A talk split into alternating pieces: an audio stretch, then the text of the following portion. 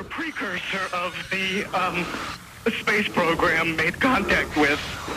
Uh, they, they are not what they claim to be. Uh, they have infiltrated a lot of uh, uh, a, a lot of aspects of, of, of the military establishment, particularly the Area 51. Selamat datang di M-Wave episode 9 Kali ini dengan gue Bobby Mandela Oke untuk eh, episode ini menurut gue lumayan seru Karena ini kemarin gue sempat ngobrol-ngobrol sama teman gue Terus kita ngebahas soal ini juga dan menjadi perdebatan Tapi itu sayangnya ini bukan polit tentang politik ya Bukan tentang politik atau apa pun itulah Yang kita perdebatkannya adalah menurut gue hal yang jauh lebih menarik Apalagi kalau lu suka nonton uh, science fiction gitu-gitu. Nih pasti lu suka deh dengerin ini nih. Kayaknya sih, ya gitu. Kita sekarang kan ngebahas tentang uh, makhluk angkasa luar atau biasa dibilang alien. Dan itu dan sekarang gue juga nggak sendiri nih. Sekarang di depan gue sudah ada Enggak. Alien. Enggak, bukan alien. ada Mas Nugi dari Beta UFO Indonesia ya. Iya, kita UFO Halo. Indonesia. Halo Mas Nugi apa kabar Mas? Eh, baik ya. Terima Macet nggak Mas ke sini Mas? Enggak, saya dari Green Pramuka cepat kok. Oh dari Grand Pramuka. oh deket orang Deket, dekat deket banget. Sigap. Jadi gimana nih Mas nih? Beta beta UFO berarti dorong siapa kah? Namanya beta UFO. Beta tuh, tuh gimana sih tuh Mas? Eh beta itu benda terbang aneh ya, benda Singkatan benda terbang aneh ya. ya benda terbang aneh. Hmm. Eh beta UFO sendiri itu didirikan tanggal 26 Oktober 1997. Oh tahun 97 waktu itu. ya. Eh, pendirinya sendiri yang saya tahu sih Mas Bayu, tapi saya tahu ada beberapa orang setelah itu. Bayu mana nih Mas? Bayu Agus, Bayu Amus lah, Oh. Mas Bayu Amus. Bukan David Bayu ya. Eh, bukan. Eh, saya sendiri mulai masuk Beta UFO tahun 99. Wah 99 Mas. Ya waktu itu lagi skripsi, lagi lagi penat skripsi. Hah? Eh buka internet ada Beta UFO ya masuk Beta UFO. Wah itu internetnya berarti tahun itu yang Iya. gitu Iya. kan ya masih tahu pakai Windows 98 ya Mas waktu itu Mas ya. Iya, masih, Iya. masih pakai dial. dulu main main sweeper juga dong, tapi nggak tahu juga tuh apaan kan. Iya, Ya, sweeper. nggak jelas gitu tuh. ya era-era itu mas ya. Iya, yang era kalau misalnya itu tuh gue inget banget era itu tuh ketika internet lagi gila-gilanya. Eh, dulu kan gue masih kecil, gue dulu masih kecil dulu mas. Buat Hmm. download eh, foto bokep aja lama banget. Oh iya. Kan kita kan anak kecil pasti bokep dong. kan zaman dulu bokep kan zaman dulu masih kan. dial up Iya, dial up gitu. kilobyte itu kan Jadi kilobyte. tak, biasa nih misalnya siapa dulu Per- Tera Patrick misalnya gitu, ceter Iya. gitu kan. Jidata dulu men Jidata dulu berapa menit Baru hidungnya Baru leher Pas sudah mau tete nih Anjing totonya Mati. siap- Mati atau gimana Kentang gitu Tapi dulu juga udah lumayan birahing Itu doang Anak SD men SD tuh ya? Ya, SD Dulu Nah. skripsi di, eh, di mana mas dulu? Saya dulu di ITB skripsinya. Wah pasti orang pinter Beta UFO tuh kok itu didirikan juga awal-awalnya tuh Mas Bayu itu juga dari ITB. Oh. Heeh. Apa mas? Seni rupa Kalau Mas Bayu seni rupa. heeh. Kalau mas Nugi sendiri? Saya dari teknik fisika. Oh teknik fisika Wah gile Ini saintis nih Nah sebenarnya kalau dari sejarahnya Hmm. yang kita tahu sih pen- peneliti UFO yang pertama-tama itu sebenarnya eh, penyelidik UFO senior Indonesia tuh Marskal Muda J Salatun, Oh dari tentara justru tentara Oh saya baru tahu TNI Angkatan Darat. Dia yang memperkenalkan istilah beta itu. Oh ben- benda, Benda, terbang aneh eh, itu benda ya? terbang aneh. Nah itu yang Jadi diadopsi. ini asal asal usul kata beta tuh dari si Pak siapa tadi? Eh, Marskal J Marskal Salatun, itu ta- AU atau Angkatan, Angkatan Udara. udara ya AU ya? Eh, dan memang kalau melihat bukunya dia, dia kan buat buku tuh. buku tentang UFO. Nah, di situ disebutkan eh, oleh dia bahwa penampakan UFO itu sudah ada sejak zaman Dwi Kora. Dwi Komando Rakyat Ya, Dwi Tahun Kora berapa ya? itu tahun 64, 64 64 ya? dan itu dicatat di Surabaya pada ta- pada bulan September 1964 eh UFO ditembaki di langit Surabaya UFO oleh TNI. Iya. Eh, positif pas ngeliat wah UFO nih atau mereka Kalau itu UFO itu sesuatu yang tidak dikenal sih. Yes, itu sama sama Hmm. aja kayak ini kan, sama itu sama aja kayak kita translate itu jadi benda terbang aneh bukan? Ya, Ya. jadi meriam artileri pertahanan udara menembaki benda-benda terbang tak dikenal di Hmm. atas langit Surabaya bulan September tahun 1964. eh, kecurigaan dari beberapa orang mungkin petinggi TNI pada saat itu kemungkinan besar ada kapal Inggris yang sedang merapat Hmm. mendekati Indonesia kan dulu kan pas Dwi Kora itu kan. Iya. Cuma kalau ngelihat fenomenanya itu kemungkinan itu bukan pesawat biasa sih ya. Karena itu ya deskripsi UFO lebih lebih cocok untuk kasus tahun 1964 itu. Jadi yang lihat saksinya ya para apa tentara-tentara yang ini nembakin pakai meriam artileri pertahanan udara. Nah, tapi sempat heboh nggak pada saat itu? Sempat Yang- jadi omongan yang nggak? Kalau ibaratnya kayak wah viral nih gitu. misalnya Hebohnya karena kita lagi di Wikora kan, Hmm. lagi kampanye Ganyang Malaysia. Jadi eh, sentimen saat itu ya itu musuh gitu. gitu. Oke. Jadi nggak duga itu alien kan. Nah, terus kalau berarti pada saat itu kalau bisa digambarkan berarti pas ketika orang ngeliat itu itu sama aja dia mereka nggak bilang itu alien kan pada Nggak. saat itu. Nggak Pasti mereka mikirnya cuma oh ini kapal musuh doang. kapal musuh. Cuman kenapa sampai dibilang enggak enggak tuh alien? Ada orang yang percaya itu pada karena zaman itu ya? ya itu kan kayak benda bersinar ya. eh ada gerakan gerakan-gerakan yang serba mendadak. Itu kan salah satu ciri UFO tuh gerakannya kayak mendadak kayak zigzag gitu ya. Hmm. Terus juga itu kejadiannya seminggu loh dari tanggal 18 sampai 24 September? 1964. Iya, Jadi seminggu dia kayak wandering around aja gitu di kayak Surabaya. muncul terus hilang, muncul hilang itu. Berarti selama seminggu. masyarakat ada saksi dari masyarakat juga atau cuma spesifik dari Eh, doang? ada ada dari masyarakat, kemudian di, dilihat dulu juga di radar Hmm. sama mata telanjang.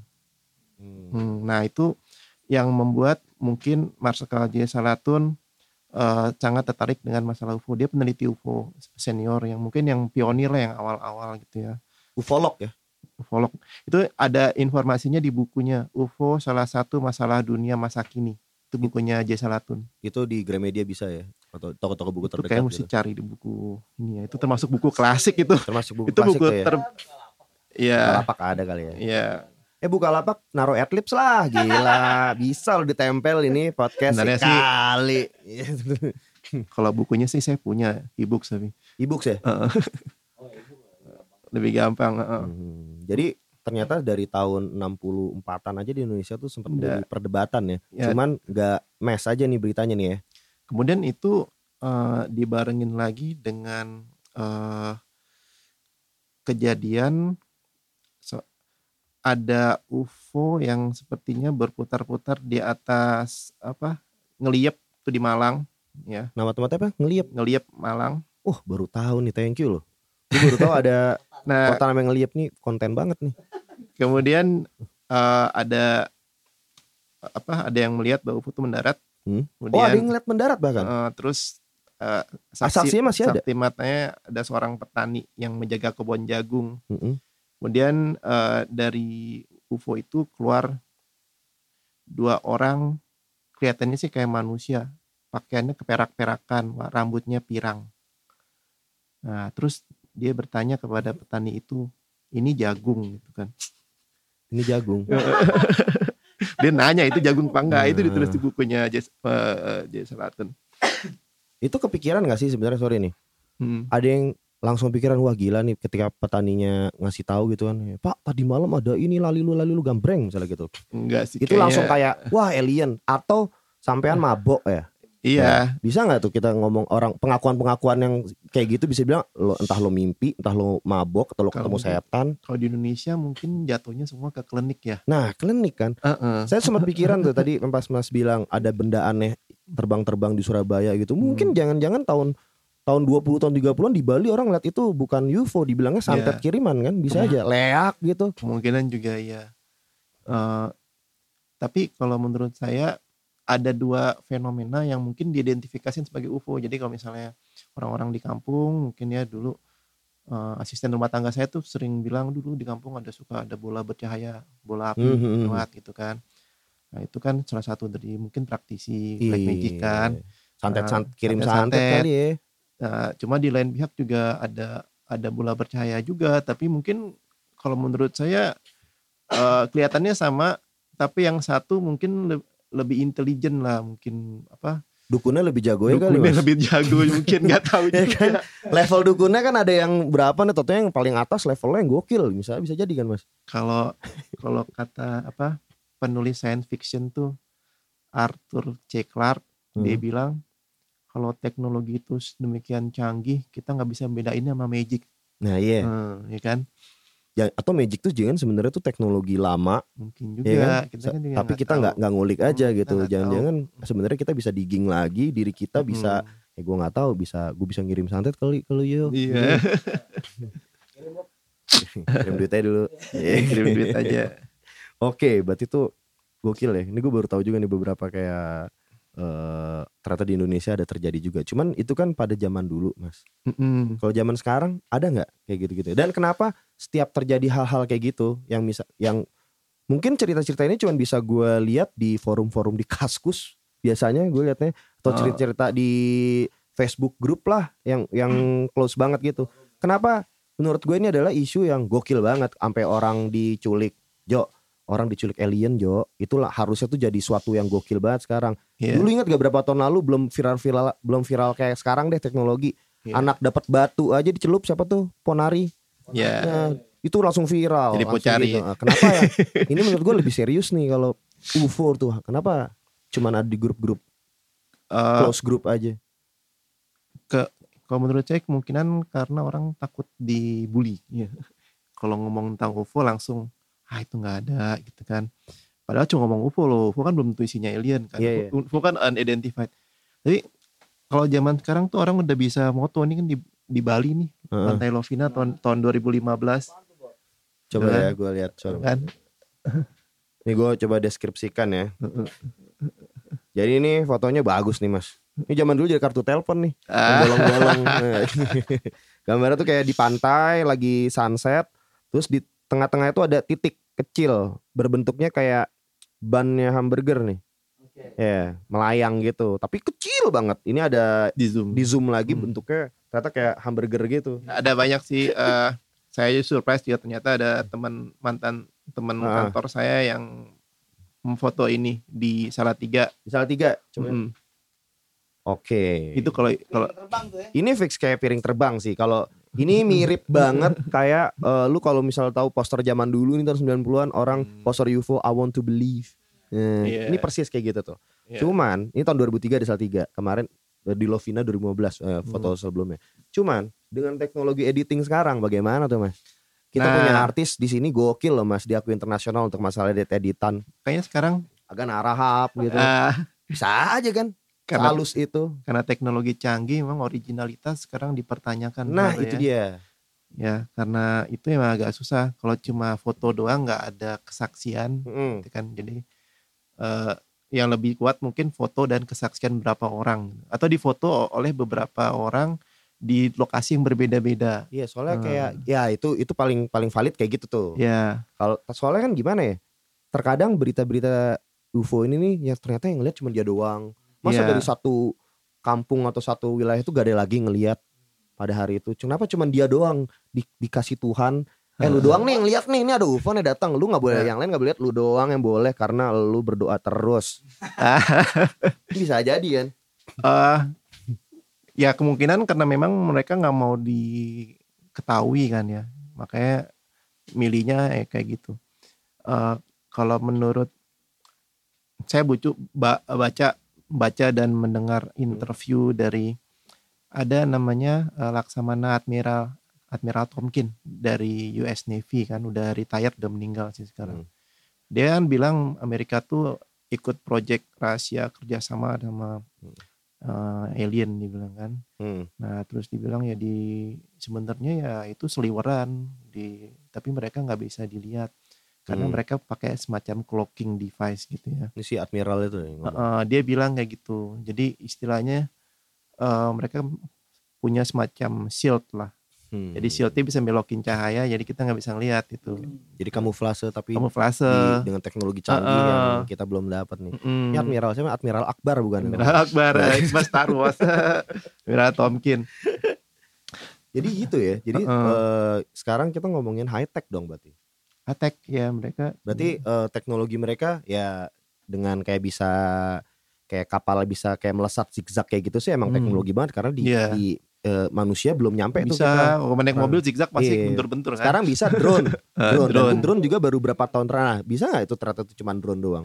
Karena gue ya, gue ini pendapat pribadi gue ini mas. Jadi apa pun yang sekarang nih, kayak misalnya nih HP kita udah kamera segala Mm-mm. macam, canggih banget kan.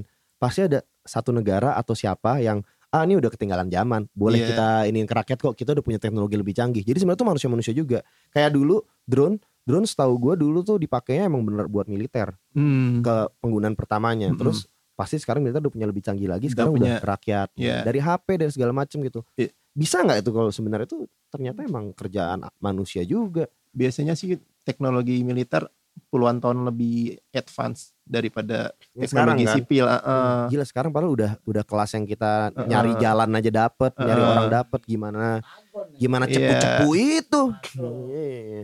kalau kan ada sebenarnya ada tiga secara umum uh, bisa dibilang tiga atau empat uh, hipotesa uh, up- o- UFO origin ya. Yang Hmm. pertama memang terestrial. Terestrial. Terestrial itu berarti ya UFO itu asalnya dari bumi. Hmm. Itu bisa dari uh, negara-negara superpower seperti Amerika, Rusia, pesawat rahasia mereka lah. Hmm. Itu yang kita Korea Utara mungkin. Uh, Korea Utara juga mungkin tuh itu yang kita kira sebagai UFO.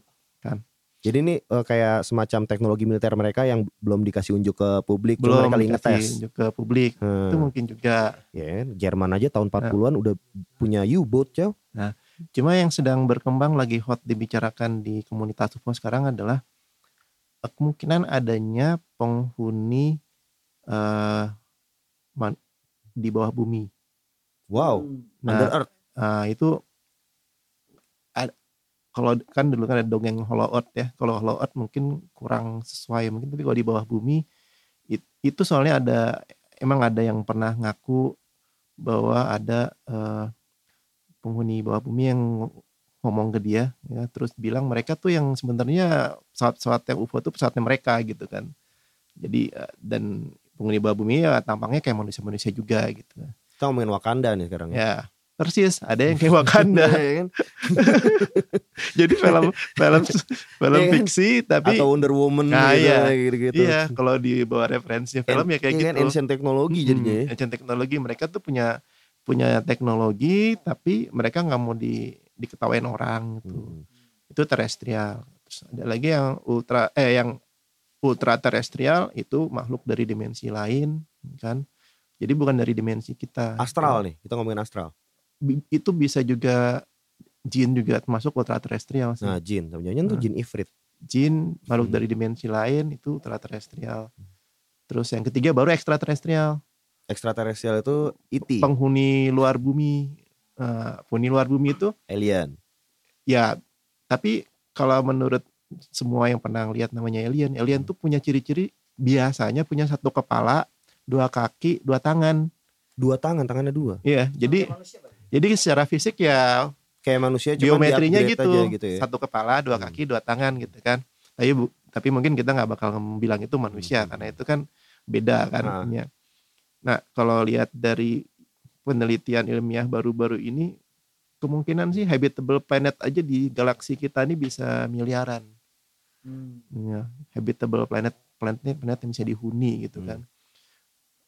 Di alam semesta itu ada ratusan miliar planet, Terlalu. eh ratusan miliar udah- galaksi. kita kecil sekali Nah, nih, gitu. Kalau misalnya dibanding yang lain kita nggak ada papanya. kalau gitu. misalnya nggak nggak ada penghuni luar bumi, kayaknya tuh kayak boros Munafik boros banget banget, ya. Nah, Seluas banget. itu ratusan miliar galaksi penghuni. Kalau kita percaya cuman kita doang gitu. ya makhluk berintelijennya cuma kita Hmm. saja itu seakan-akan itu wah itu kayak yang lain buat apa seluas itu alam Hmm. semesta gitu kan.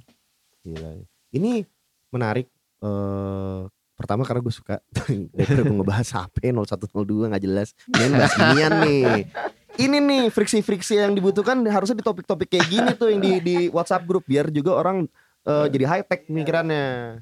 Nah, satu lagi nih Mas. Saya tadi baru denger nih. Sebenarnya kemarin sih dikasih tahu nih saya sama teman saya itu, sama produser saya. Jadi Mas ini juga tergabung dalam ini kan kita beta UFO. Ini ada lagi nih. Mas ini adalah Mas Nugi ini dari Islamic UFO juga Iya, sudah jadi sekarang nih udah memasuki ranah religi nih mas ya isu UFO ini? sebenarnya di beta UFO itu ada ada banyak grup sih ya.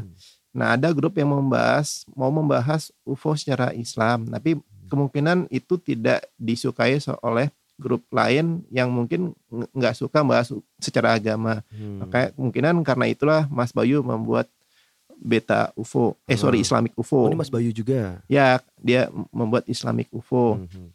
Eh, nah, Islamic UFO didirikan itu untuk meneliti UFO dan alien tentunya dari referensi Islami. Hmm. Referensi utamanya referensi Islami, tapi juga bisa didukung referensi dari kitab suci yang lain, dari sains, ya, teknologi dan sebagainya, mitologi juga. Hmm. Oke, ini apa bedanya sama Scientology nih berarti jadinya? Hmm, Kita nggak ada, kita nggak ada nyembah-nyembah. Nggak, nggak ada nyembah-nyembah ya. Oh, iya. Itu doang bedanya. Tapi ini dibahas sama lah ya. Eh, Kurang lebih- lebih, more or less. ada yang bahas ayat gitu ya misalnya kalau alien tuh di di di Quran ada yang bilang namanya dabah gitu kan Gabah. dabah itu kan kayak eh, makhluk-makhluk yang tersebar di Tata di surya. langit dan di bumi dan di di antara keduanya gitu Wih. kan Eh, Ini. Kajian-kajian seperti ini harusnya yang ditingkatkan. Kajian-kajian eh, religi, tapi masukin unsur alien dan high tech. Nah. ini yang dibutuhkan rakyat Indonesia menurut saya. Iya, Iya. jadi lihatnya luas, tetap beribadah, kita ya kan? beribadah terus friksinya juga nggak, ya lah nggak bakal sampai gimana-gimana lah. Iya, tapi eh, di grup Islamic UFO juga banyak friksi. Grup Beta UFO juga banyak friksi. Biar seru lah mas. Iya. Ngotot-ngototan sih ada ya, ada ya. Eh, adu-adu adu ayat gitu kan ya. Aduh ayat. Jadi gue ini ini luar biasa sekali nih Islamic UFO ini nih. Jadi Ini ada kajian benerannya nggak yang kayak di mana ngebahas gitu? sebenarnya eh, kalau saya fokus kan ada sebenarnya kalau kalau saya bisa saya bagi dua Hmm. pembahasan di Islamic UFO ada pembahasan tentang UFO sendiri Hmm. UFO itu bagaimana cara kerjanya kedua pembahasan tentang alien itu apa Dan Cara kerja, cara kerja UFO itu kayak gimana mas? kalau kalau yang saya baca itu kan sebenarnya melanggar hukum-hukum fisika ya Oh iya. jadi kalau ada benda terbang terus tato B dia belok kanan 90 derajat Nggak Bayangin mungkin. kalau kita di mobil belok kanan 90 derajat Nah, kejedot semua iya, kan. Iya iya. Jantung bisa Momentumnya gimana dia ngatur iya, tuh ya? nah, kan. Udah pasti itu dia teknologinya high tech yang kita belum pahami Hmm. gitu kan. Eh kalau yang saya baca memang kecurigaan orang-orang itu pakai elektromagnet gitu ya. Jadi something related to elektromagnet lah mereka bisa membuat seperti itu gitu kan. Eh, bocorannya juga dari beberapa pejabat rahasia Amerika itu yang membisikkan bahwa oh itu memang pakai elektromagnet untuk membuat anti gravity. gitu. Siapa tuh orang itu? Ada ada macam-macam Admiral Tompkins salah satunya yang saya Yes. bilang itu terus Hmm. ada Bob Lazar gitu kan. Bob Lazar tuh dia pernah pernah reverse engineer UFO. Jadi gimana tuh? UFO jatuh, Hmm. terus Amerika diambil, terus Area 51 tuh. disuruh dia disuruh cari tahu cara kerjanya. Nih, Hmm. Bisa nggak? Kita bisa bilang itu adalah eh sebenarnya itu Amerika Amerika juga nggak sih? Terus biar nunjukin Mm-mm. orang Bu, eh, Konspirasi. bu- eh, mungkin konspirasi atau gimana ya. Sekarang seru lah nge- ngebahas konspirasi apa pun. Iya. Terus Amerika kalau gue nih, kalau misalnya gue pengen branding, branding something nih, kalau gue, kalau gue pengen branding nih mas, gue bakal kayak gue nemuin UFO misalnya gitu. Terus gue bakal ngaku, eh gue nemu UFO nih. Eh, Anak teknisi gue pengen gue otak atik semuanya gini-gini segala macam di tempat rahasia yang orang nggak boleh ada yang tahu gitu gitu. Iya. Itu kan kayak bisa wah anjing teknologi Amerika berarti kayak gimana tuh bikin orang Eh. percaya juga apalagi dia yang megang media iya. kita bisa dibilang Bisa media itu juga. megang Ame- Amerika loh gitu loh bisa nggak itu terjadi Di- untuk kalau misalnya kita berpikir logika eh mungkin juga ya kalau kalau propaganda cuma sebenarnya catatan tentang UFO tuh udah ada sejak sebelum zaman modern gitu. Dari zaman dulu tuh udah ada di di Eropa tuh di tempat namanya Balai Basel itu ya ada kisah tentang terjadi kayak pertempuran di udara ada benda-benda yang bentuknya bola-bola itu saling menyerang oh, gitu ya. perang santet nih bukan ya mungkin tapi bola-bola sama silinder-silinder gitu oh Nah, itu kan kita nggak pernah eh, lihat lagi mungkin buku-buku sejarah yang mencatat tentang hal itu gitu. Mhm, Sebenarnya mhm. banyak sih kalau dilihat dari dari dulu itu sebenarnya UFO tuh ada di langit manusia tapi manusia mencatatnya dengan hal yang berbeda. Hmm. Kalau misalnya sekarang namanya piring terbang. Yep. Kalau zaman dulu mungkin namanya piring bersayap. Karena masalah bahasa aja dia. iya. Jadi kalau Hmm. di kalau di Google tuh ada namanya wingdis. Bukan Nah, wingdings kan? Kalau wingdings Bukan. aneh mas. Font. bukan. Eh, ini wingdis tuh apa cakram bersayap. Cakram bersayap. Hmm, Itu juga lambangnya film Alien kan? Oh iya benar, Iya kan? benar, benar. Iya kan dia punya lambang seperti itu. Kenapa ya dia selalu identik dengan bulat atau oval gitu? Hmm, mungkin itu bentuk paling seimbang kali ya. Oh, balik lagi ke high tech ya. Iya, bener bentuk paling ya. seimbang ya. Hmm, Terus terus. Makanya saya nggak percaya bumi itu datar. Oh jadi mas bukan bumi datar nih ya? iya iya. Bukan. Tapi di komunitas flat earth itu ada yang percaya alien nggak? Masa dia udah percaya Ada, bumi ada, datar, ada. masa tanggung banget gak Ada. percaya alien juga kan? Jadi di Islamic UFO tuh ada banyak grup sih. Ada juga yang Hmm. percaya flat earth. Wah, Tapi kita gila. kita tetap aja akomodasi sih. Ada Jadi itu. eh ya walaupun kadang kita nggak mau kalau saya nggak mau argumen gitu kan udah nggak percaya saya juga nggak percaya udah ya udah nggak maksa juga Uh-uh. kan. nah terkadang memang susahnya kalau kita referensi Islami itu bukan nggak ada debat ada tapi tafsir ayat itu orang beda-beda gitu kayak misalnya ada yang menafsirkan bahwa manusia tuh nggak nggak bisa tinggal di luar bumi gitu kan Hmm. berdasarkan ayat yang mengatakan "Ma- kamu hidup di bumi meninggal di bumi gitu kan Hmm. terus kan ya itu kadang-kadang susah nah cuma yang menariknya adalah di dalam Quran juga disebutkan bahwa Na- Nabi Sulaiman itu bisa mengendalikan angin nah kalau kita cuma pakai referensi Quran itu tentu nggak ada ini nggak ada pendalaman tapi kalau kita pakai referensi kitab kitab orang Yahudi namanya namanya Eh bukan ya? bukan Sabur. ada kitab namanya kitab Kebranagas dari Apa? Ethiopia. Keberanagas. Kebranaga, Kebranagas. Kebranagas. Nah, Kebranagas itu kitab dari Ethiopia. Ethiopia. Wah, Babylon. Nah, Ethiopia itu eh, memang ada komunitas Yahudinya juga di situ. Nah, Ethiopia itu zaman dulu bagian dari kerajaan Yaman sih. Nah, itu yang Udah di Babylon, yang, Yaman. ya, yang di- Belanjanya di Yomart. Safari Iya. ya pasti. yang diduga termasuk kerajaannya Ratu Siba. Ratu Siba kan Itu pada zaman Solomon ya? zamannya Solomon. zamannya Bilqis juga bukan sih, Mas? Ya, Bilqis tuh Solo, Bilqis tuh Ratu Siba. Oh, Ratu Siba itu Kalau di eh, eh, Oke.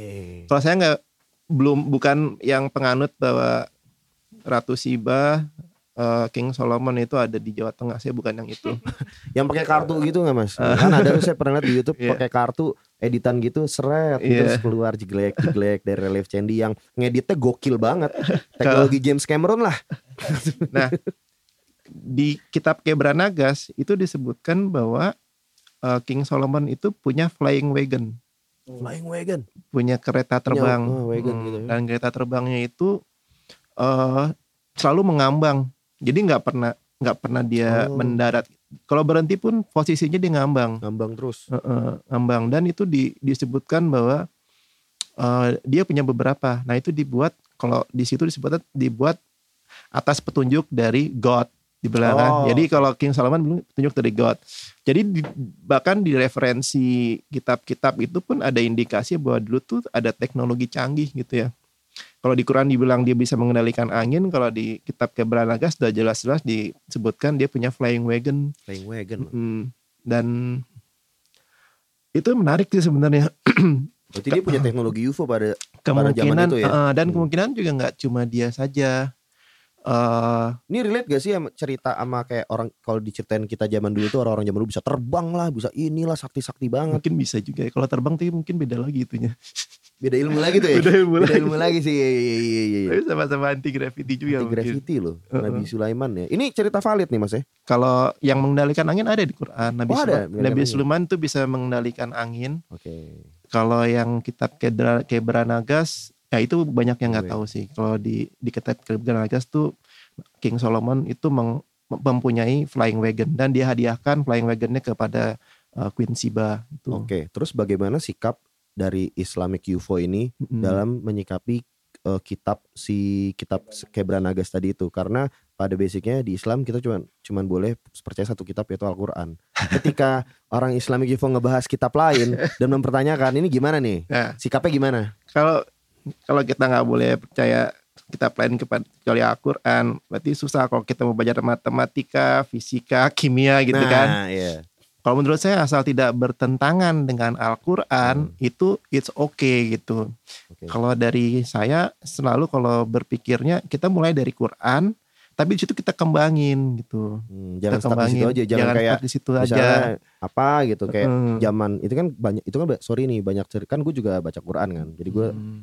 Wih iya dong. Gue suka baca yang teks bahasa Indonesianya. Hmm. Karena ceritanya seru. Maksud, bukan seru maksudnya kisah lah Iya. gitu. Itu kan kayak kalau dilihat dari apa ya visualisasinya Hmm. ketika baca itu tuh zaman dulu banget. Hmm. Kalau diaplikasiin ke zaman sekarang mungkin banyak yang gak relate. banyak Cuman kan, banyak iya. juga kan yang orang strict enggak pokoknya gue harus kayak Iya. zaman dulu gitu tuh. Gue harus sampai cara berapanya. Eh Oh, gue gak iya. gitu. Ya, gitu. Ngomong gitu. Edit ya edit ya. Eh, ini kalau ngomongnya terlalu ini edit aja ya. Enggak enggak aman aman aman. kalau berbicara dengan Islamic UFO itu selain saya bahas yang seperti ini tentang apa hipotesa bahwa zaman dulu manusia mempunyai teknologi UFO, ada juga ada grup yang berhipotesa bahwa UFO itu dari jin, Jin. Eh, dari jin. eh, dari beberapa informasi yang kita peroleh ada yang berargumen bahwa jin itu sebenarnya bisa punya fisik jin itu bisa bisa apa ya mempunyai teknologi gitu ya. Nah, Nah cuma memang sampai sekarang karena itu ranahnya gaib ya itu nggak berkembang terlalu serius diskusinya karena susah juga nganalisa jin. Lebih lebih gampang kita nganalisa mungkin UFO dari manusia zaman dulu gitu ya. Itu yang lebih ya Wakanda lah istilahnya. Wakandanya lah ya. Kalau lebih lebih nyambung kan kita bicara Wakanda gitu. Iya iya iya. Cuman menarik sih itu ke ngomongin jin dan alien. Hmm. Ada kemungkinan nggak kalau misalnya ternyata alien itu jin? Kalau menurut Ya kan saya siapa tahu gitu. Soalnya kalau kalau saya saya kan, eh, pernah ke Kalimantan agak lama gitu tuh. Itu sering saya mendapat cerita dari war- warga lokal sekitar atau bagaimana orang-orang situlah pokoknya. Mm. Mereka suka cerita kalau misal di hutan mereka merasa itu kayak ada jalan tol, ada universitas. Iya. Habis itu bahkan saya pernah ke Morotai di Maluku Utara. Hmm. Orang sana tuh percaya eh, Pulau Moro itu adalah dari kaum Moro. Kaum Moro itu Hmm. loh orang yang tidak terlihat mata dan orang dan satu pulau tuh percaya orang tuh ada karena Hmm. bahkan mereka ngomong setiap 17 Agustus di Morotai itu eh, misalnya kita mereka bikin apa eh, ka- bukan kayak kawinan apa sih namanya selamatan Hmm. kayak selamatan udah dihitung orangnya totonya jadi lebih orangnya datang terus kalau ngeliat orang yang datang ini kok siapa kita nggak pernah kenal nggak pernah kenal gitu Iya. bukan orang kampung sini terus mereka bilang pada tahun 5 50-an itu kan soalnya di Morotai itu kan tempat eh, land base-nya Perang Dunia Kedua Iya. pangkalan Amerika di situ kan Hmm. dan si Jenderal Douglas MacArthur dari yang pemimpin perang Pasifik dia itu tuh juga tinggal di situ dia bahkan dia Mm-mm. tinggal di Morotai dia bahkan tinggal di Pulau Zum Zum itu depan Pulau Morotai nah ada kemungkinan mereka eh, pada saat itu melihat hal-hal yang kita bisa bilang kayak jin atau alien itu karena Hmm. saya mewawancarai satu orang yang mengaku dia kawin sama orang Moro itu jadi dia Iya. bilang saya dibawa ke alamnya dia diceritanya udah udah kakek kakek kakinya tinggal satu kakinya tinggal Hmm. satu kalau nggak salah habis itu dia eh, ini ngomong kalau saya diculik bukan diculik saya ketemu sama cewek habis itu saya akhirnya pacaran tapi ternyata dia itu orang orang Moro Hmm. akhirnya ketika saya menikahi dia saya hilang berapa tahun hilang di di Morotai itu dia hilang tapi dia ngakunya dia tuh ke dunia orang Moro which is di pulau itu juga teknologinya gokil-gokil ada universitas ada bangunan ber- bertingkat Iya. ada tangga berjalan itu ada, di ada beberapa tempat di Indonesia ada ya Heeh, seperti dan itu, saya ya. mendapatkan cerita yang sama persis di Morotai sama di di Kalimantan di Palangkaraya ada orang pernah cerita juga seperti sama itu saya juga iya di Ventira gitu ya Iya, aduh saya lupa nama Kayak daerah. namanya Tangkiling apa nama daerah Hmm. jadi itu hutan-hutan. Terus habis Hmm. itu saya lagi kebetulan lagi kerja di hutan itu, terus saya ngobrol sama ya orang-orang yang kerja di hutan juga. Satu cerita ke saya kayak begitu kalau diculik orang kalau di sana bilang orang sebelah kalau di Kalimantan. Oh, orang Orang sebelah sebelah. Jadi orang tak sama sebelah lah Iya, dan katanya dia jalur yang lagi kita bikin sekarang Hmm. di tengah hutan itu katanya pas itu dia ngelihat itu kayak ada jalan tol Pak dan Hmm. banyak mobil, ada motor segala macem. Jadi ini kayak wah thank you. Kayak bener-bener apa ya? Dunia lain itu ada. Cuman itu mereka ngomongin alien. Mereka ngomonginnya lebih ke jin. Eh, Dan iya. lebih ini, lebih canggih. Soalnya gue inget banget tuh yang si bapak di Morotai itu dia cerita saya pakai mobil Jeep, tapi mobil kayak Jeep yang waktu dipakai perang, cuman lebih canggih. Hmm. Dan saya juga saya tahu itu mobil seperti apa, cuman saya yakin itu mobil pasti sudah Jeep sudah. Yakin saya sudah. Eh, Cina Iya. itu sudah. Itu tuh gimana tuh? Kalau dari referensi Quran itu kan Oke. disebutkan eh, jin pengikut Nabi Sulaiman Ifrit kan? itu kan disebutkan eh, mereka adalah para syaiton yang expert divers dan expert builders. Wah, Ber- jadi ini di, di setan aja itu syaitan tuh ada kategorinya nih, ada builders, ada saintisnya. Iya, jadi kan disebutin mereka penyelam yang ulung kalau diterjemahin ke bahasa Indonesia Oh, dan divers, penyelam. eh, penyelam yang ulung dan mereka pembangun yang ulung. Itu ada di Quran disebutkan. Ada di surat apa tuh? Kalau nggak salah saya lupa. Bisa kita cek gak? bisa bisa dicek itu rata-rata semua orang tahu sih itu Coba dicek nih tentang tentang ex- expert diver sama expert builder Gitu. aja udah kelihatan expert diver sama expert builder Hmm. dari dunia setan di Al-Qur'an. Iya. Hmm. Nah, Terus terus eh jadi dari situ saya awalnya punya kecurigaan bahwa yang namanya apa eh, jin itu itu juga punya kemampuan untuk membangun kan. Hmm, Eh, buktinya di Quran disebutkan eh, walaupun tidak eksplisit ya dengan kata-kata expert builders itu secara secara tidak langsung disebutkan mereka membantu membangun eh, peradabannya Nabi Sulaiman Ya, seperti itu. gila kan dia punya istana segala macam. Iya. Dia bisa ngomong sama binatang juga bukan sih Nabi Iya Sulaiman? dia juga bisa Ya kan? ngomong sama binatang kan dia kan. Kemudian Mujizatnya banyak dia. ba- banyak dia Ganteng lah ya katanya. kaya juga. Udah- udah paket sih. Nah eh, kalau di di buku salah satu buku tentang jin yang saya baca namanya bukunya The Vengeful Jin ya. Ada apa? vengeful, vengeful, jin yang suka membalas dendam, vengeful Oh, jin. revengeful. Uh, vengeful jin itu uh, pe- ya penelitinya Oh, ada nih The Holy Quran Ar- Arabic Text Translation mm, in reverse. Oh, dari ayat ini ya. ya dari Dari situ. semuanya itu. Nah kemudian penulis buku ex, apa vengeful jin itu dia kan meneliti apa itu jin kan Yap. dari sisi perspektif orang Barat kan Oh, orang barat biasanya kan nggak Heeh. percaya, orang Nah, Tuhan yang percaya. dia- karena itu dari Islam dia pergi ke Arab Saudi Oke. Uh, dia bicara-bicara sama salah satu pejabat di pemerintah Arab Saudi Hmm. Nah, terus dapat keterangan lah macam-macam kategori jin dan sebagainya. Nah, terus dia juga dapat keterangan bahwa ternyata pemerintah Amerika Serikat itu memang juga punya minat meneliti teknologinya kaum jin. Nah, itu Hmm. bukan kata saya, itu di buku itu disebutin kayak gitu gitu kan. Jadi Amerika Serikat tuh berasumsi bahwa eh, peradaban jin tuh punya teknologi. Nah, selain itu saya juga juga sering baca juga kayak apa peradaban katanya jin tuh punya peradaban Hmm, gitu hmm, kan hmm. kayak kota-kota gaib kayak Hmm. Wentira lah apalah gitu kan. Kok Dulu ba- baca buku dialog tentang dengan jin muslim juga nggak?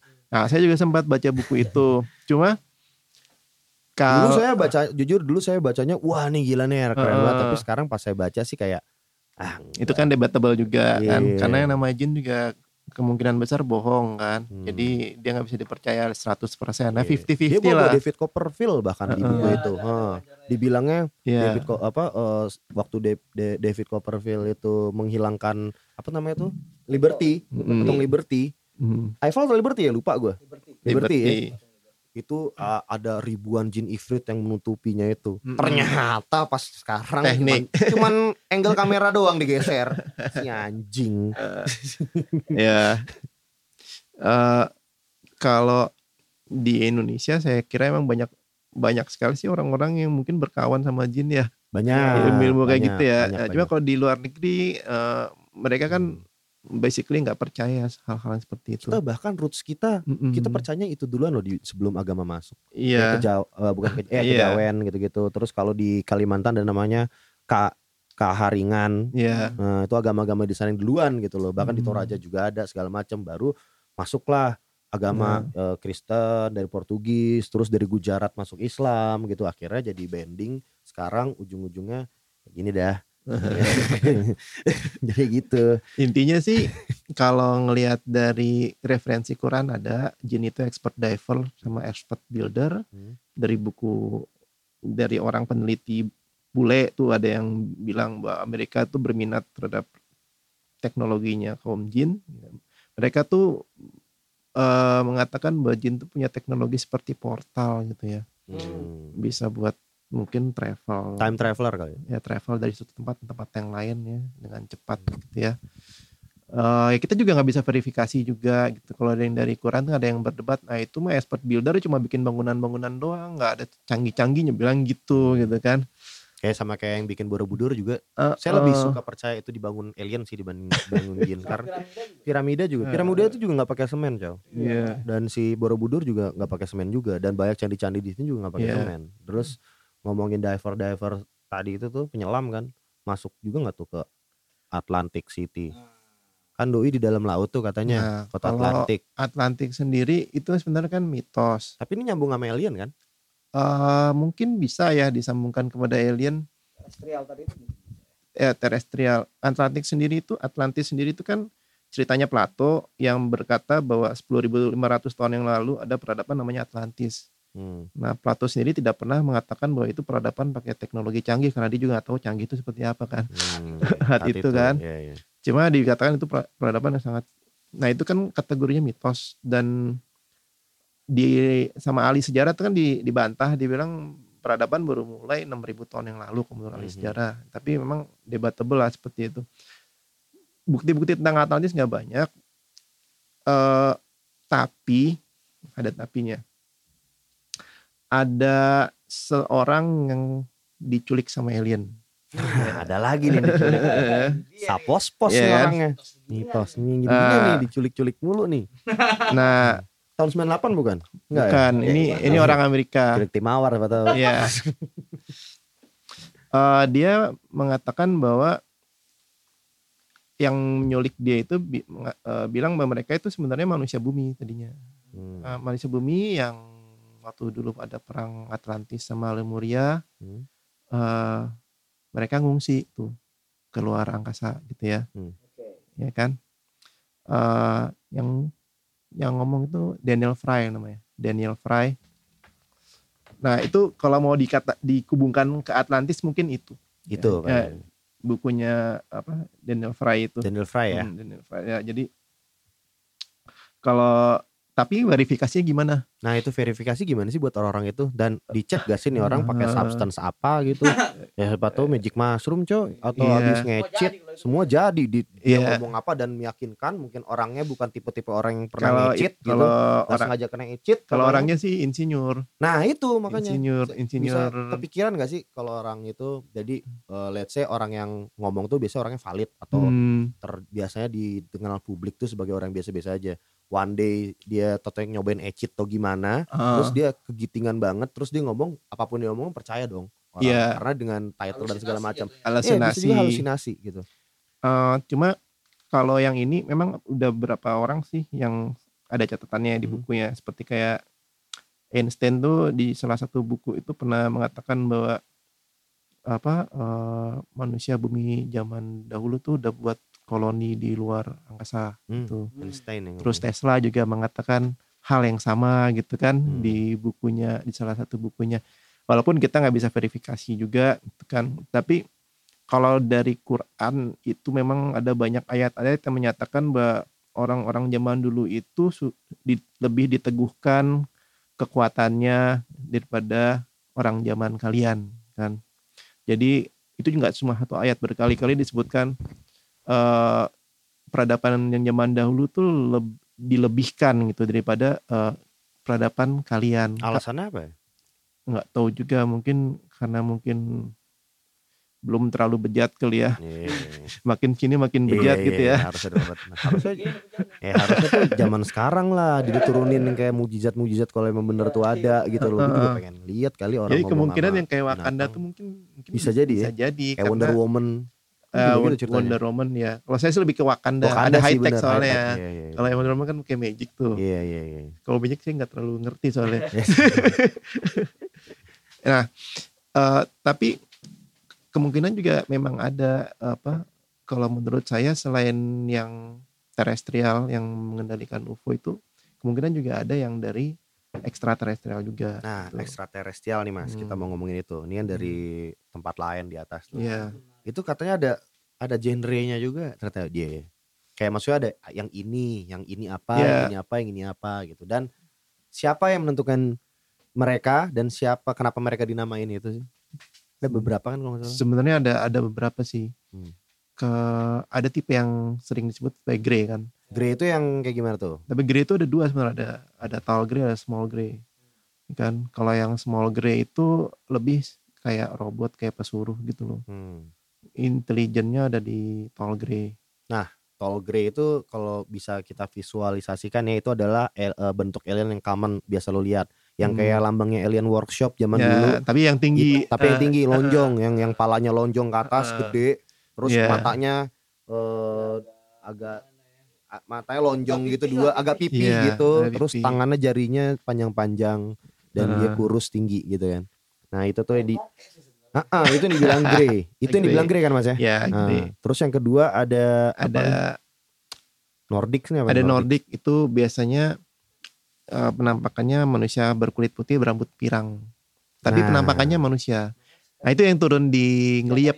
Nah, ngeliep di Malang. Nah, Hmm, yang nanya ini jagung. Nah, ini jagung. Itu bentuknya Nordic, berarti orang kulit putih doang kan? Nah, putih rambut pirang. Berarti Nah, itu kan sama aja kayak Caucasian dong kita bisa bilang. kemungkinan ada Atau kayak Caucasian. kalau bilang Nordic ya kayak orang Norway gitu. Tapi sebenarnya selain Nordic tuh ada juga yang Ini kayak mengarah ke ke ininya Thor gitu tuh kayak orang-orang Iya, sana benar, benar. Skandinavia kan. kayak Skandinavia jadi iya, jadi kayak jadi dari Asgard ya. Iya, jadi Asgard nih hitungannya nih. Dari Wakanda kita ke Asgard nih jadinya nih ya. Bener sih. Bener kan? Kalau yang kulit hitam eh yang saya tahu nggak pernah disebutkan ada alien yang kulitnya hitam, tapi yang berkulit kayak orang India ada Ada. ada itu yang dari kalau nggak salah dari Vega, dari konstelasi Vega. Hah, apaan tuh? Konstelasi Vega apaan tuh, Mas? wow. Pokoknya ada eh, kalau kalau baca ini kan ada yang dari Pleiades, ada yang dari Lyra, ada yang dari Vega gitu kan. Ini eh, Konstelasi bintang. Wah, ini Hmm, Star Wars gitu nih. Iya, jadi tempat tempatnya di langit sana. Ada lagi di, namanya selain eh, di daerah komunitas sana. bumi ini namanya Vega kayak Eh, Asgard gitu. iya. Asgard kayak masuk gak kayak gitu-gitu? Asgard ya, Asgard mah di Norwegia. Ah. nah, ini Vega. Vega ya. Dari Vega itu Hah? disebutkan eh, beberapa mengatakan berkulitnya kayak orang India gitu. Oke. Hmm, Berarti ini balik lagi ke Nah ini dia nih yang menentukan Saya penasaran yang menentukan itu namanya apa. Kalau Siapa? Siapa Itu Ada gimana apa ahli-ahlinya. Karena kan gini nih Pertama hmm, Pertama alien datang nih Bumi nih Komunikasi. Gak mungkin bahasa Inggris ya. Gak ada- mungkin bahasa iya, Inggris Karena tuh film mungkin. doang bahasa Inggris kan? Hmm, Dan gak mungkin bahasa lo juga Eh gue gak tahu juga. Berarti komunikasi pertama Kita dari physically Dari kayak ya kayak memperagakan makan atau minum atau kemari. Cuman Iya. karena kita nggak tahu kehidupan mereka, sama nggak mereka makan kayak gitu juga, sama nggak Iya. mereka makan. Jadi komunikasi dan menentukan gue ini adalah Vega dari eh, konstelasi ya ilmuwan. Itu siapa? ada yang pakai telepati. Telepati. Telepati berarti dari pikiran ke pikiran. Oke. Ada yang mereka ada yang bisa ngomong bahasa manusia juga. Oke. Itu yang bilang ini jagung berarti kan? kan Hmm, teknologi mereka udah sampai itu ya, Eh, eh. konyaku penerjemah. Eh, mereka punya translator kali ya. Iya, iya, udah Yang punya disembunyiin di mana Iya, iya, gitu. mungkin. iya sih, iya sih, Nah. bisa, bisa, bisa. Eh, jadi bisa pakai telepati, bisa pakai bahasa apa, audio. Kayak film apa ya? Kam Yang gitu. Iya. Enggak, ada pokoknya- film apa kemarin beberapa tahun lalu ada yang cewek sama cowok ada datang alien terus dia kayak diam lihat-lihatan ternyata de- pas ternyata telepati. Oh, ditembaknya pakai telepati.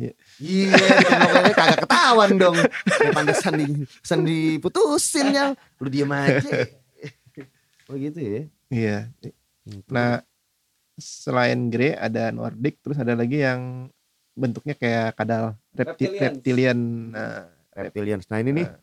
gue baru gue baru baca nih mas, kayak beberapa saat minggu yang lalu, kalau di lagi-lagi Amerika Hmm. Kenapa setiap pendaratan alien selalu didirikan dengan Amerika mulu nih? Dan sana mungkin filmnya kali ya. Di Iya, karena mereka lebih populer. populer gitu kan. Hmm. Apalagi mau ada apa tuh space space apa ya Donald Trump ngomong Space Force. Space Force. Hmm. Apaan pas ditanyain redneck-rednecknya? Apaan Space Force? Gue nggak tahu. It sounds good man. space Force gitu. Eh, Space itu lah. Nah, Ada lagi kepercayaan tentang reptilian alien reptilian itu tuh. Jadi Heeh. katanya alien tuh bentuknya kayak kadal. kadal. Nah, Eh, itu kenapa bisa ada gitu? Siapa yang ngeliat pertama dan yakin kadal? Saya jadi semakin yakin kalau ini banyak orang giting sih. Jadi eh kalau menurut eh, beberapa ya saya sih baca ya, saya nggak Hmm. pernah kalau ditemuin sih ogah gitu juga. lah masa nggak mau ketemu sih? Bukankah itu intinya semuanya nih? Nggak mau. semuanya? Jadi Jadi cuma pengen stalking stalking doang nih grup stalking. nih. memang ada yang dari grup eh, reptilian Hmm. kan, yang memang itu fisiknya kayak kadal, Hmm. gitu kan. Ada yang mengatakan itu dari dimensi lain, ada yang mengatakan dari konstelasi Draco, terus Draco. ada juga yang mengatakan itu dari bumi ya kita nggak tahu yang mana yang benar lah Hmm. nah terus juga ada cerita yang mengatakan bahwa reptilian itu perang sama Nordik Wih, Heeh, jadi ada kayak ada drama friksi juga ada nih. ini ada yang yang mengatakan itu sih dari pejabatnya Amerika apa eh, pejabat secret undergroundnya Amerika tuh Ini kayak udah s- kayak Captain Marvel nih. ya Captain Marvel Iya kan? Ini ada, reptilian. Nah, kalau udah Hmm. bicara reptilian itu orang udah nggak bakal percaya.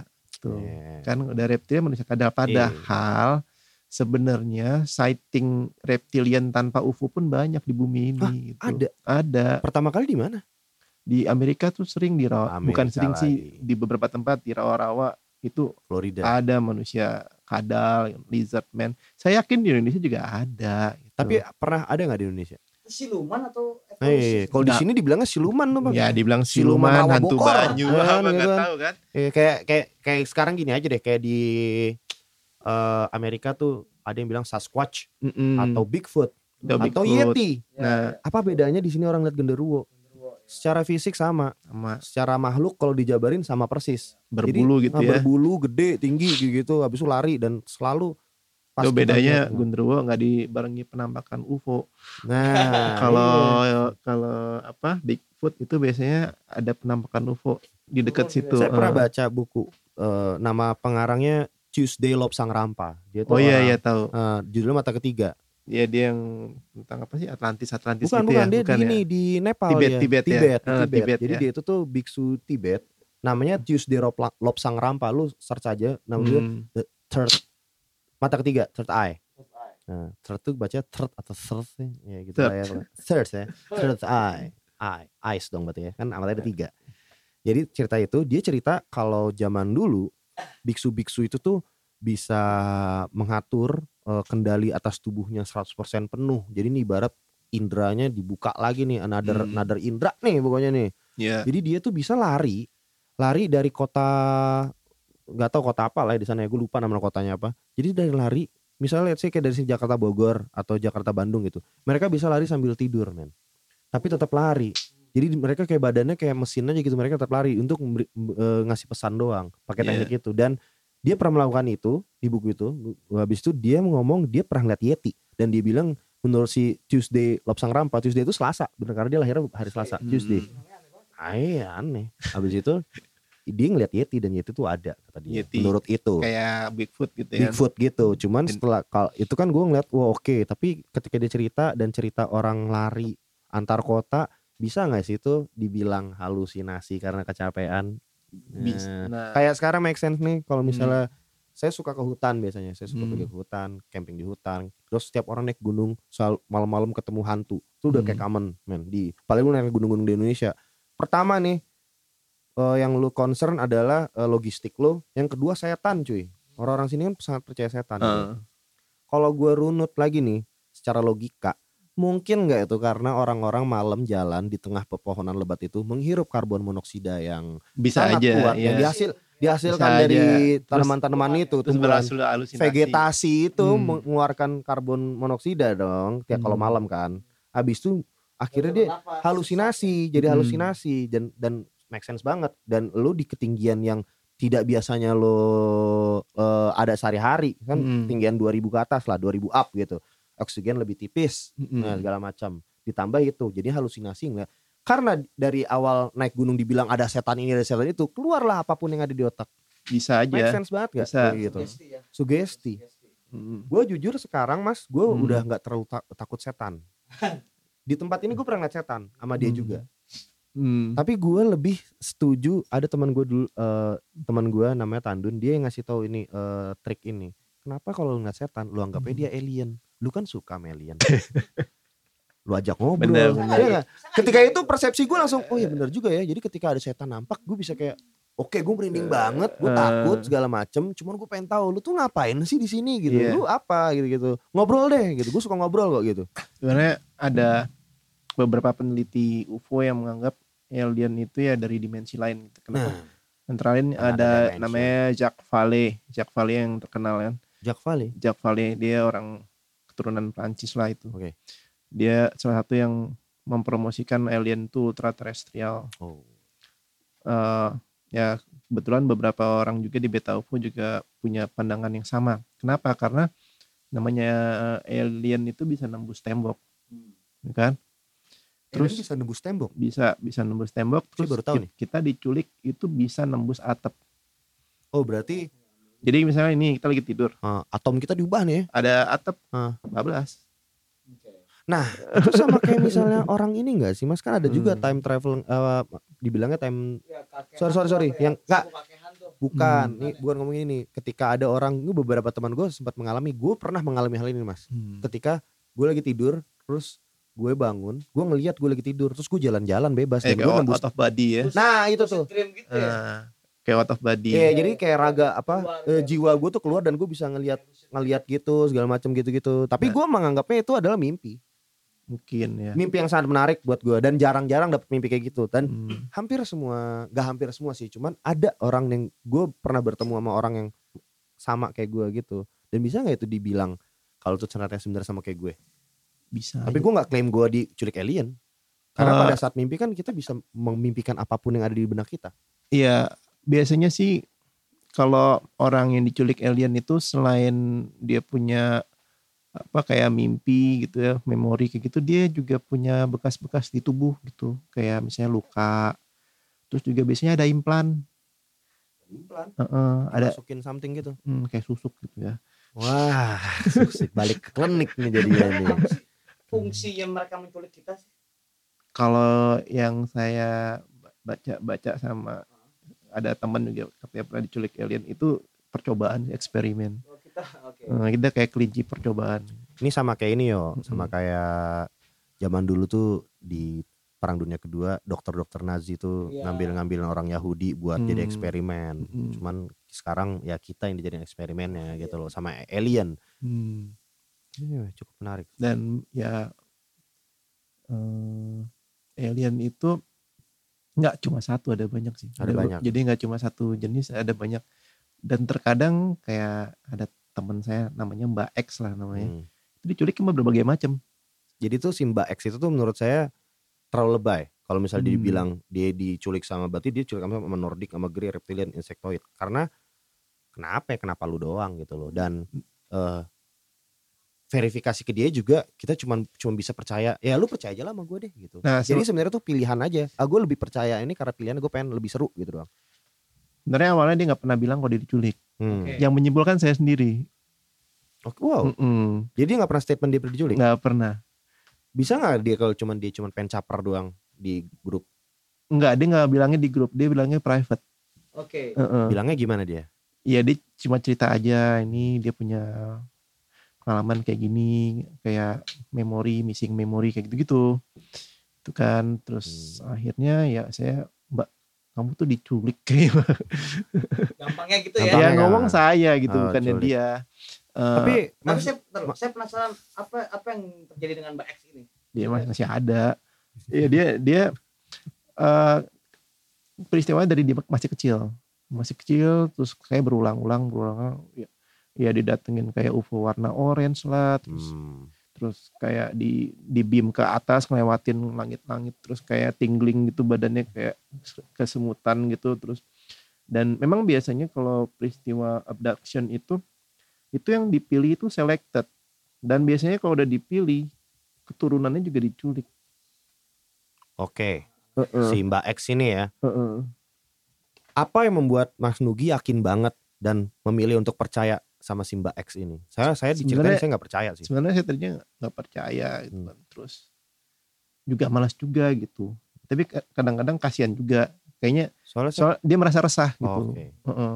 Jadi tuh curhatnya tuh curhat resah bukan curhat pengen ngasih tahu, oh aku diculik ini enggak. Eh, mungkin but gimana ya? Aku bilang ka- kamu Psikiater kamu kali ya, aku bilang kamu ke Hmm. psikiater, psikiater Karena mbak, saya punya banyak teman, hipnoterapi yang- gitu, apalah. Teman saya juga ceritanya gila-gila karena mereka Hmm. emang gila gitu loh, yang kayak, weh gitu. Cuman saya nggak bakal 100% percaya karena nggak mungkin gitu. Cuman Hmm. karena banyaknya orang yang halu sekarang, bisa nggak kita bilang si Mbak X itu ternyata halu? Bis- Terus, kemungkinan sih bisa aja. hmm, Cuma memang dia tuh suka ngasih foto ada bekas luka gitu kan. Ada apa, ada ini gitu kan. hmm, Eh, terus eh ya deskripsinya ya kalau ngelihat bola merah bercahaya, warna bola oranye bercahaya di Iya. atas itu ya ya entah hallucination atau emang dia datengin. iya, Sebenarnya iya. di kayak gini kita lebih banyak pertanyaan daripada jawaban sih. Ya kan? Iya, iya. Ini benar-benar topik yang sangat dipertanyakan banget Iya. nih. Iya, alien men. Bahkan kalau udah muncul di radar pun itu bisa di itu salah alatnya misalnya. Salah alat tuh maksudnya gimana? Kalau muncul di radar UFO-nya bisa aja bisa aja alatnya yang salah. Oh Kan? iya bisa Kan? jadi kan. Terus macam-macam lah kalau jadi belum mau muncul di radar, muncul di sensor infrarednya pesawat belum tentu juga UFO. Iya, banyak banyak debatable lah. Kecuali kalau kita diculik gitu ya. Tapi itu juga kita bisa mempertanyakan diri sendiri kita masih waras atau enggak gitu. Iya iya. iya. Tapi sekali lagi saya lebih lebih memilih percaya alien-alienan gini lah daripada hal-hal yang nggak jelas-jelas bikin friksi-friksi. Bahas politik gue sangat saya ini. Nah, crop circle nih mas. Ya, crop circle. Itu emang eh, gimana ya? Dalam waktu semalam terjadinya dan buktinya ada dan sangat presisi kalau kita lihat ya, sangat presis sekali. Terus walaupun saya udah pernah ngeliat how to make crop circle fake ya, di YouTube gitu-gitu, Iya. kan ada tuh caranya di tapi nggak gimana. sempurna itu ya. Cuman gak sesempurna itu. Nah, ini kan pola-polanya sangat presisi. asli Heeh. kayak di scan jeder gitu loh. kayak di print ya. Heeh. Itu penjelasannya gimana tuh mas? Dan kenapa cuman ada di Amerika? Kenapa nggak di Indonesia? Jogja kan pernah. Hah di Jogja pernah emang? Heeh. Yang bener? Ada. Coba, coba. Do- 2010 Wow. Kok gue baru tahu nih? di Jawa Tengah lah, Jawa Tengah. Makanya Sempat viral dong berarti. sempat zaman dulu sempat diteliti sama tim dari Beta UFO sih. Oh terus gimana hasil penelitiannya? Ya kalau dari Beta UFO sih menyimpulkan itu ya bukan artifisial ya. Maksudnya bukan dibuat sama manusia. Oh iya anjay di Sleman. Sebentar Hmm. saya sambil lihat Google Image. Karena itunya kan Wah iya anjay. residu segala macamnya kan Ini eh, AU turun tangan nggak pemerintah? nggak orang 8 bilang itu buatan orang kan.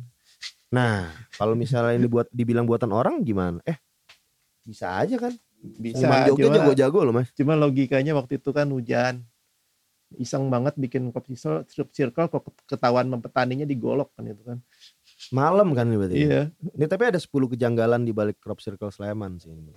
Coba ya kalau kita lihat dari berita dari kanal berita yang sangat sering di forward orang yaitu detik.com.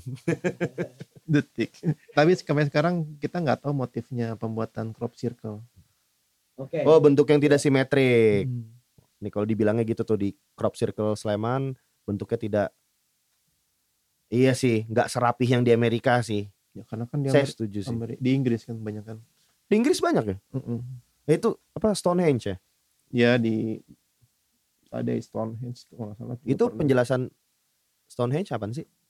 Apakah itu Oh, alien juga? Karena kan Stonehenge itu dia nyusunnya? Bangunannya canggih loh, ada kaitnya loh. Hah, ada Antar batunya tuh ada kaitnya. Jadi kayak kayak apa? difungsikan sebagai kokoh, paku gitu. eh, kokoh, eh, kokoh Uh-huh. dia itu sebenarnya. Kalau belum ada sih kalau secara resmi penjelasan Stonehenge itu apa. Yang jelas ada ahli sejarah yang mengatakan kemungkinan itu untuk healing ritual gitu. Eh tapi masalah kita bukan terserah lah tuh mau dipakai apa. Lu bikinnya gimana itu? Iya. Pada tahun segitu dengan batu seberat berapa Ya, ratus ton itu ngangkatnya gimana itu? Kalau saya Jadi sih susah. lebih gue lebih percaya itu teknologi alien sih.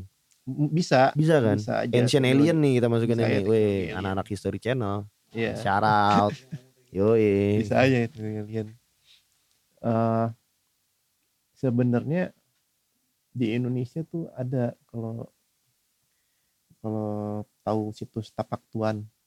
Wah nggak tahu. Tapak Nah, Tuan. Itu ada tapak kaki manusia yang panjangnya 5 meter. Oh itu yang di Ciampea bukan sih? Di Prasasti Di- apa? di Aceh. ke situ deh. Aceh Selatan. Aceh Selatan. Mm-mm. Nah itu memang daerah situ namanya situs tapak tuan terus da- itu kan tapak kakinya di di semen karena Hmm. takut pemdanya takut itu erosi rusak lah Hmm, hmm. Nah itu balik lagi ke zaman dulu apakah ada manusia raksasa atau enggak Hmm. kan kenyataannya emang mungkin aja ada kalau dari dari Bible sih ada kan gue lihat itu raksasa kan lawannya David gitu kan Hmm. alien alien tuh menurut saya terminologinya kalau kita mengatakan ekstraterestrial apakah berlaku juga untuk manusia bumi yang udah pindah ke luar bumi Hmm. kan Iya bisa juga. Ya, Ah, terus balik lagi. Nah, terus baik lagi gitu kan Nah, terus kalau manusia bumi pindah keluar bumi berevolusi terus dia alien enggak gitu. Iya. jadi misalnya di luar bumi dia berubah jadi kayak kadal gitu kan Saya nah, itu saya lebih percaya itu. Saya saya lebih percaya kalau si Grey Alien itu yang kayak yang bentuknya kayak alien workshop itu. kayak matanya gede ya Iya, dengan karena kayak sekarang aja nih kita nih. eh, kita manusia nih baru berapa let's say 15 tahun terakhir kita udah berubah banget dari gaya hidup kita. Hmm. Segala macam. Sekarang nih semua PC yang tahun 98 90-an udah lebih canggih handphone kita, men. ya Ya kan? handphone Kamera segala macam, mau GPS segala macam, semua Ada ada, di di, sini nih. Ini udah udah kayak komputer canggih sama banget. notebooknya kadang Ih, kadang notebook juga dan harga memorinya gedean Iya gedean handphone. gedean handphone dan gila dengan harga 2 jutaan lagi sekarang lu udah bisa mengantongi itu semua yang 15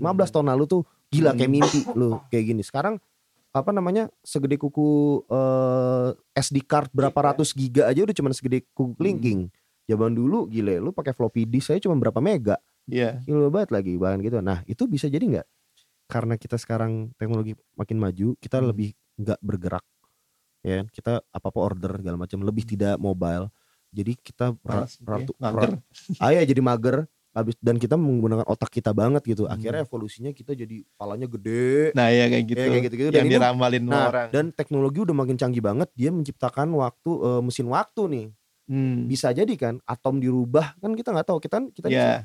Saya nggak tahu kan eh, Mas Nugi yang belajar fisika nih Hmm. kita tuh dari partikel atom kan Iya. nah terus ternyata dia punya pemecahan artikel artikel partikel gitu ya.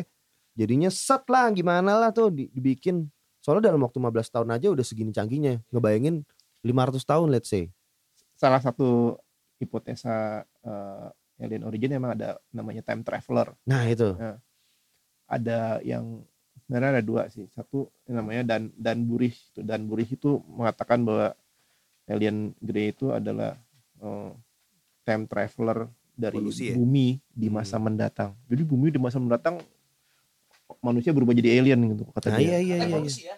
Iya gitu kan itu sekitar kalau nggak salah 40 ribu tahun 30-40 ribu tahun karena alam kita aja mendatang. berubah loh sekarang kayak pemanasan global dan segala macam ini udah Nah. berubah dan sang dibanding 50 tahun gak usah ngomongin lima- 500 Iya. tahun lah 30 tahun deh udah beda banget cuma kalau saya emang kalau udah time travel tuh saya juga suka suka percaya nggak percaya sih iya Eh, sih karena yang namanya time travel ya travel, kayak di film Marvel Endgame aja. Ah. Dia bilang oh yang Back to the Future tuh bukan gitu time travel di tempat kita gitu. Ah, ah, ah, iya iya iya kayak gitu. Nggak naik kalau mobil kalau itu time travel di GMC. Marvel Endgame itu dia bikin timeline baru kan? Mm-mm, timeline Kalau. Back to the Future dia bisa benerin punya kak apa, Ah. dia ke masa lalu dia bisa ini kakek neneknya Ah. kan?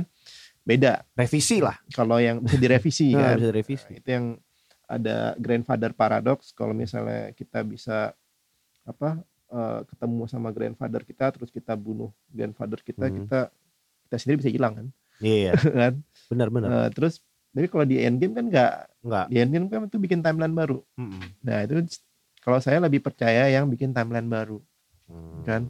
bikin timeline baru karena lebih make sense sih. Karena kalau misalnya kayak itu agak, agak ribet. Ya memang kalau di film mah enak kita bisa ke masa lalu. Tapi secara logikanya iya sih. Ya tapi bisa aja kan. bisa, aja bisa terjadi. bisa Gue gue sih memilih Dan ada- percaya. Waktu itu bisa diciptakan sebenarnya. Dan Bisa ada- science ya. dan ada Hmm. yang emang ada yang pernah mengemukakan yang namanya Dan Buris Dan Buris itu kalau nggak salah dia kerja sama pemerintah Amerika Serikat juga deh nah kita kan tapi nggak tahu itu disinformasi atau informasi Hmm. benar rata-rata sih informasi UFO itu kalau dari bocoran-bocoran gitu kemungkinan 50% disinformasi sih. disinformasi. tapi ada yang benar juga mungkin kita nggak tahu juga jadi kalau mengenai time travel tuh memang beberapa orang tuh pernah ngelihat tanpa menggunakan alat tuh ada tuh yang bisa ngelihat oh kayak teman saya tuh pernah tuh di stasiun Tugu kereta di Jogja itu dia pernah ngelihat pemandangan VOC gitu. Tahu-tahu Oh. ngelihat dia. Kan? Ya kita nggak tahu yang kayak gitu tuh fenomenanya seperti apa. Jadi hipotesa keempat UFO alien origin time traveler tuh memang mungkin bisa gitu Hmm. jadi ada banyak sih Eh cuma itu yang paling sulit saya terima yang gitu Yang time travel paling sulit ya. Eh, time travel paling paling sulit tapi kemungkinan sih ada kita nggak nggak ini Kalau saya malah lebih suka tuh time traveler. bisa Karena- fix ya Iya, karena ya pertama seru, pertama Heeh. lebih seru. Terus dulu ada nama pengarang namanya Fujiko F Fujio. Dia ada namanya Doraemon. Cie gitu, Doraemon dat- datang dari masa depan dikirim dari Sewasi untuk perbaiki kakeknya si Nobita dan Hmm. munculnya dari eh, meja Laci. laci meja belajarnya dan itu mesin Iya. waktu dan dari kecil saya di udah saya gede Brainwash. terbrainwash dengan itu dan iya terdengar lebih make sense di saya jadinya kayak Iya. gitu dan apalagi didukung teknologi sekarang sekarang bahkan teknologi kan udah gila-gilaan banget Iya. ya. dan menurut gue eh, mungkin beberapa puluh tahun ke depan kita nggak tahu ya apakah kita bisa menetapkan kaki di planet lain mungkin sekarang Iya. kita udah sedekat apa sih mas kalau sekarang sebenarnya kayak kan udah ada kayak SpaceX itu ya yang penerbangan luar angkasa oleh swasta space age Musk eh, space Iya. age love.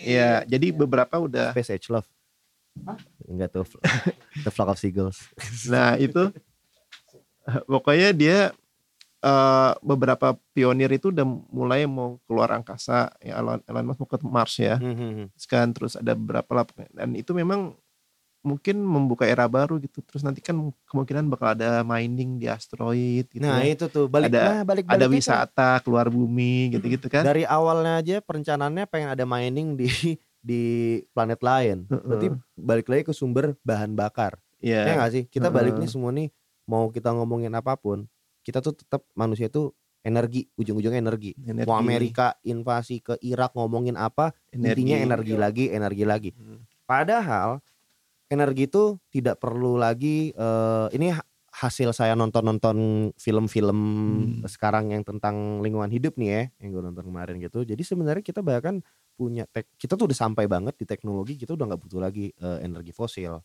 Iya, Nah, karena kita bisa menghasilkan listrik dari angin, Dari dari, angin, gelombang, dari macam-macam. dari macam-macam kan. Hmm. Asal asal Cuma kan yang yang punya power di situ. Ah, jadi balik-balik ke duit lagi nih. Nah, bisa nggak nih sebenarnya dari hal seperti itu dia membuat propaganda baru untuk supaya kita ya let's say dari lu gak usah ngurusin gue, lu percaya alien aja nih. gitu. Emang ada sih, ada beberapa tuh yang percaya alien itu cuma konspirasi. Nah, itu yang saya bilang. Nah, cuma kalau alien konspirasi berarti kemungkinan ya itu cuma konspirasi di masa modern. Nah, padahal kita punya catatannya alien itu juga di disaksikan oleh orang-orang di masa dahulu. Hmm. Bukan alien sih, UFO. UFO. UFO disaksikan orang-orang zaman dahulu. Ada di relief-relief candi gak sih? Eh, kalau yang itu kayaknya sih hoax ya. Hoax ya? Candi. Kalau yang katanya di, di piramid juga katanya ada Sumeria itu Sumeria. Itu hoax ya? Eh, Anunnaki itu. Ah, Anunnaki ini Mas, Anunnaki. Bisa dijelasin nggak Anunnaki itu apa dulu? kalau yang saya tahu ya, Hmm. saya sebenarnya bukan penganut aliran Anunnaki, tapi yang saya tahu Anunnaki itu dari Mesir. Mesir ya. Eh, Mesir dan eh, kalau Anu itu kan dewa dewa langit, Anubis. Bukan ya? Eh, Ini dewa-dewa ya? Anu dewa langit, Ki dewa bumi. Oke. Jadi Langit bisa dianggap anak-anak langit dan bumi, anak Anunnaki dan mer- mereka ini Kalau Rio anak kolong. disebutkan eh datang dari planet Nibiru. Kalau ceritanya kan gitu kan. Neburu. Nibiru. Nibiru. Eh, terus mereka tuh datang ke bumi untuk menambang emas. Untuk nambang emas Nah, bahkan. karena emas em- emas itu digunakan untuk memperbaiki planet mereka. Nah, terus wow. ya, manusia kan kalau dicerita yang si Chin itu dia dia ada 12 buku si Chin tuh buat Nah bukunya apa mas? Zakaria Citin buka buat buku banyak banget sih ada 12 saya lupa 12. bukunya apa Zakaria. nah di- jadi manusia bumi itu direkayasa supaya membantu jadi pekerja tambang gitu. Oh. Kalau menurut- slavery nih maksudnya. kalau ya. menurut ceritanya si Chin seperti itu kalau menurut saya itu bisa benar bisa enggak kalaupun benar ya saya tetap nggak percaya yang merekayasa manusia bumi itu alien itu Indonesia udah ada dari dulu lah Iya. kan Kayak so far Eh, yang ngambilin emas paling gede masih Freeport di dunia ini. iya benar Iya, Orang Amerika juga. Heeh. McMoran grupnya itu. Tapi memang memang eh, Anunnaki ini paham mainstream ufologi. Hmm, jadi di ufologi kayak ancient alien ujung-ujung pasti Anunnaki kan. Ya kan? Ujungnya Iya, Anunnaki. Iya, itu Ah. ujungnya Anunnaki dan eh, itu biasanya dihubungkan ya ini kalau dari cerita Sumeria dari Sicin itu kan eh, alien dari planet Nibiru ke bumi menambang emas untuk memperbaiki at, saya yang kalau nggak salah planet atmosfer planetnya. Hmm. Kan? Nah, terus dihubungkan sama yang namanya kejadian di Bible Apa tuh? eh Nephilim. Jadi kalau di Bible kan disebutkan sebelum banjir besar itu ada eh Banjir besar era Nuh nih.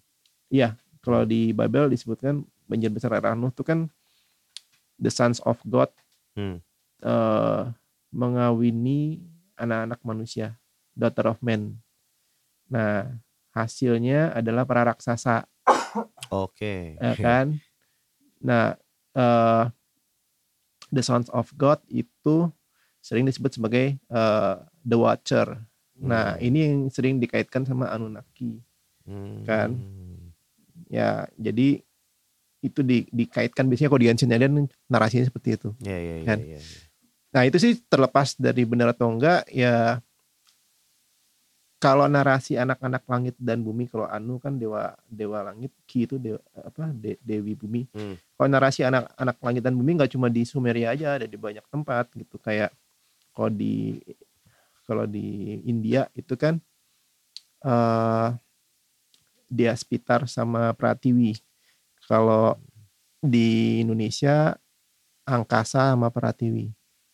Kan zaman dulu ke di Jawa tuh sebelum ada acara Hmm. disebutin dulu tuh eh nggak salah sembah apa gitu kepada dewa angkasa sama Ibu- Pratiwi apa itu ritualnya kayak gitu. Kalau di Mesir ada dewa Geb sama Nut ya dewa Geb jadi di setiap tempat tuh ada yang namanya, namanya beda, cuman orangnya sama nih kayaknya ya. karena selalu narasinya dewa langit sama dewi bumi nah, jadi terus melahirkan kalau di Yunani Uranus sama Gaia Hmm. kan Uranusnya dewa langit dewi buminya Gaia Iya. Jadi di sebuah setiap tempat itu sebenarnya kalau kita tarik benang merahnya ada gitu. Eh, dan ada juga di Bible Sons of God and Daughter of Man gitu kan. Hmm. Kemungkinan tuh ada sesuatu yang bisa kita tarik dari situ cuma saya belum jelas aja. Jadi kalau Anunnaki kalau dilihat secara lokal Sumeria mungkin ya bisa lah mas. Tapi kalau kita lihat secara skop besar mungkin ada sesuatu di situ karena kenapa setiap mitologi tuh narasinya Sama dewa langit, bapak langit, ibu bumi. iya benar Kan? langit bumi. Kita ngomong wah sumpah Hmm. langit bumi. Padahal Hmm. gitu lah. Bisa, ya bisa masuk. lah. Ya mungkin tuh Hmm. karena eh, kalau logika, c gitu. Hmm. Kalau yang pikiran saya karena itulah tempat di mana manusia berpijak dan hidup. Iya. Dia berpijak di tanah dan dilihat ke atas ada langit. narasinya selalu Dan jarang dia nge- ngebahas underwater kecuali suku Bajau mungkin. ya, dia ngebahas adalah eh, Iya. underwater dan pulau kali ya. Ya commonnya kan manusia tinggal di eh, daratan dan manusia butuh something nih Mm-mm. ke apa nih ya, kepercayaan gitu. Jadi mereka memilih bikin cerita itu dan secara logika karena itu hampir sama eh, di setiap daerah itu yang terjadi. Akhirnya setiap daerah ada aja yang kayak begitunya dan Hmm. secara kebetulan sama nih dan cara berpikirnya. Padahal sebenarnya mereka mungkin emang bikin aja kali. Iya. Kalau kalau cerita Anunnaki itu juga ada di narasinya Bob Lazar sih ya. Bob Lazar itu kan insinyur insinyur Amerika yang katanya pernah kerja reverse engineer UFO. Nah kan. itu yang tadi itu ya. Nah, dia juga bercerita selain dia cerita bahwa dia reverse engineer UFO, dia dikasih briefing Oke. Di briefingnya di, dikatakan nama dia bahwa yang menciptakan manusia dari monyet ya dari Hmm. simian itu adalah Anunnaki. Anunnaki ini. Nah, itu briefing resmi dari militer Amerika gitu kan.